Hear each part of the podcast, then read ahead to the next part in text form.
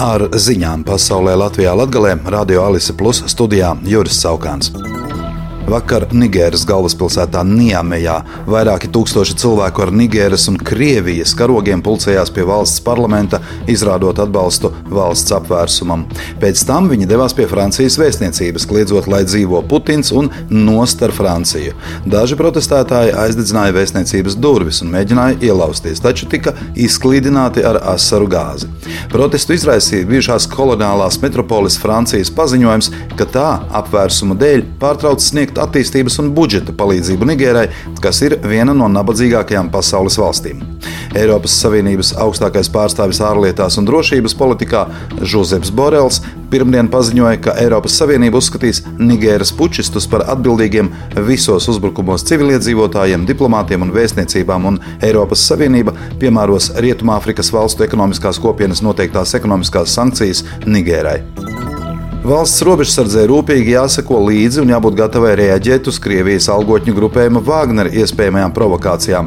Šodien uzsvēra valsts prezidents Edgars Rinkevičs, apmeklējot valsts robežsardzes štābu Rīgā. Līdzīgās domās ir Lietuvas prezidents Gitāns Nausēda, kurš šodien paziņoja, ka grupējuma Wagner algotņu atrašanās Baltkrievijā netālu no Lietuvas robežas ir liels apdraudējums. Savukārt valsts robežsardzes priekšnieks Guntis Pujāts, komentējot ekspertu un amatpersonu pausto, norādīja, ka robežsardze ir gatava dažādiem dažādiem attīstības scenārijiem un ir veiktas papildus instruktāžas. Konstatējot bruņotas personas uz Latvijas-Baltkrievijas robežas un tām nepildot Latvijas valsts pārstāvju norādījumus, robežsargiem ir tiesības pielietot šaujamieročus. Latvijas finanšu ministrs Ārvils Ašrādens no jaunās vienotības ir informējis presi, ka šonadēļ darba grupā tiks skatīti scenāriji potenciālajai nodokļu reformai. Veidojot valdību, tika panākta vienošanās, ka nodokļu politika tiks pārskatīta reizi četros gados.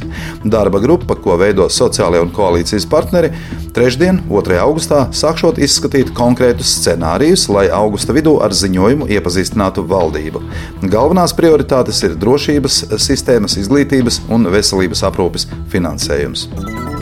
Balvu novads pašvaldības aģentūras Santex reorganizācijas turpinājumā dibinās kapitāla sabiedrību, sabiedrību ar ierobežotu atbildību, kura sniegs ūdens apgādes un kanalizācijas pakalpojumus un apsaimniekos daudz dzīvokļu māju kopīpašumus.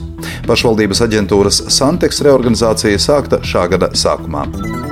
Ar vides jomu saistītie pārstāvji rosina vērtēt alternatīvu teritoriju izmantošanu Augstdaugavas novada industriālā parka izveidēji. Saima maijā konceptuāli atbalstīja deputātu izstrādāto likumprojektu, ar kuru valsts meža zemi bija paredzēts bez atlīdzības nodot Augstdaugavas novada pašvaldībai industriālā parka izveidēji. Latvijas permakultūras biedrība un vides konsultatīvā padome aicina izvērtēt alternatīvu teritoriju izmantošanu parkam.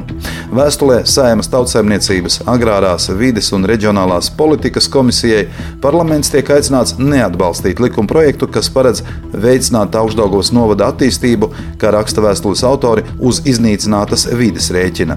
Gan biedrības, gan padomjas pārstāvji uzsver, ka atbilstoši meža likuma nosacījumiem zemes atsevināšana pieļaujama, ja ir veikts izvērtējums un alternatīvas teritorijas attiecīgajā pašvaldībā vai reģionā nav pieejamas.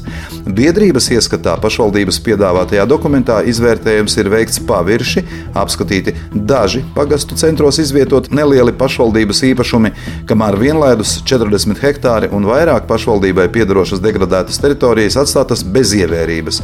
Latvijas permakultūras biedrība aicina projektu attīstīt Višķu pagasta Višķu ciemā, kā arī Vīgantu ciema degradētajās teritorijās. Šodien Prēļu novadā aizkalnis pagasta Jasmuižas parkā biedrība Sabiedriskais centrs Aizkalne un Raņa muzejs Jasmuiža bija sarīkojuši rožu dārza svētkus ar meistara darbnīcām, izzinošām sarunām, kā arī aktieru un mūziķa Jūra Hirša akustisko koncertu. Tādi apmēram šajā pirmdienā jaunumi. Ar ziņām studijām bija Juris Saukāns, projekta Ziņas bez robežām pasaulē Latvijā Latgalē. Ietvaros šo ziņu izlaidumu finansē Mediju atbalsta fonds.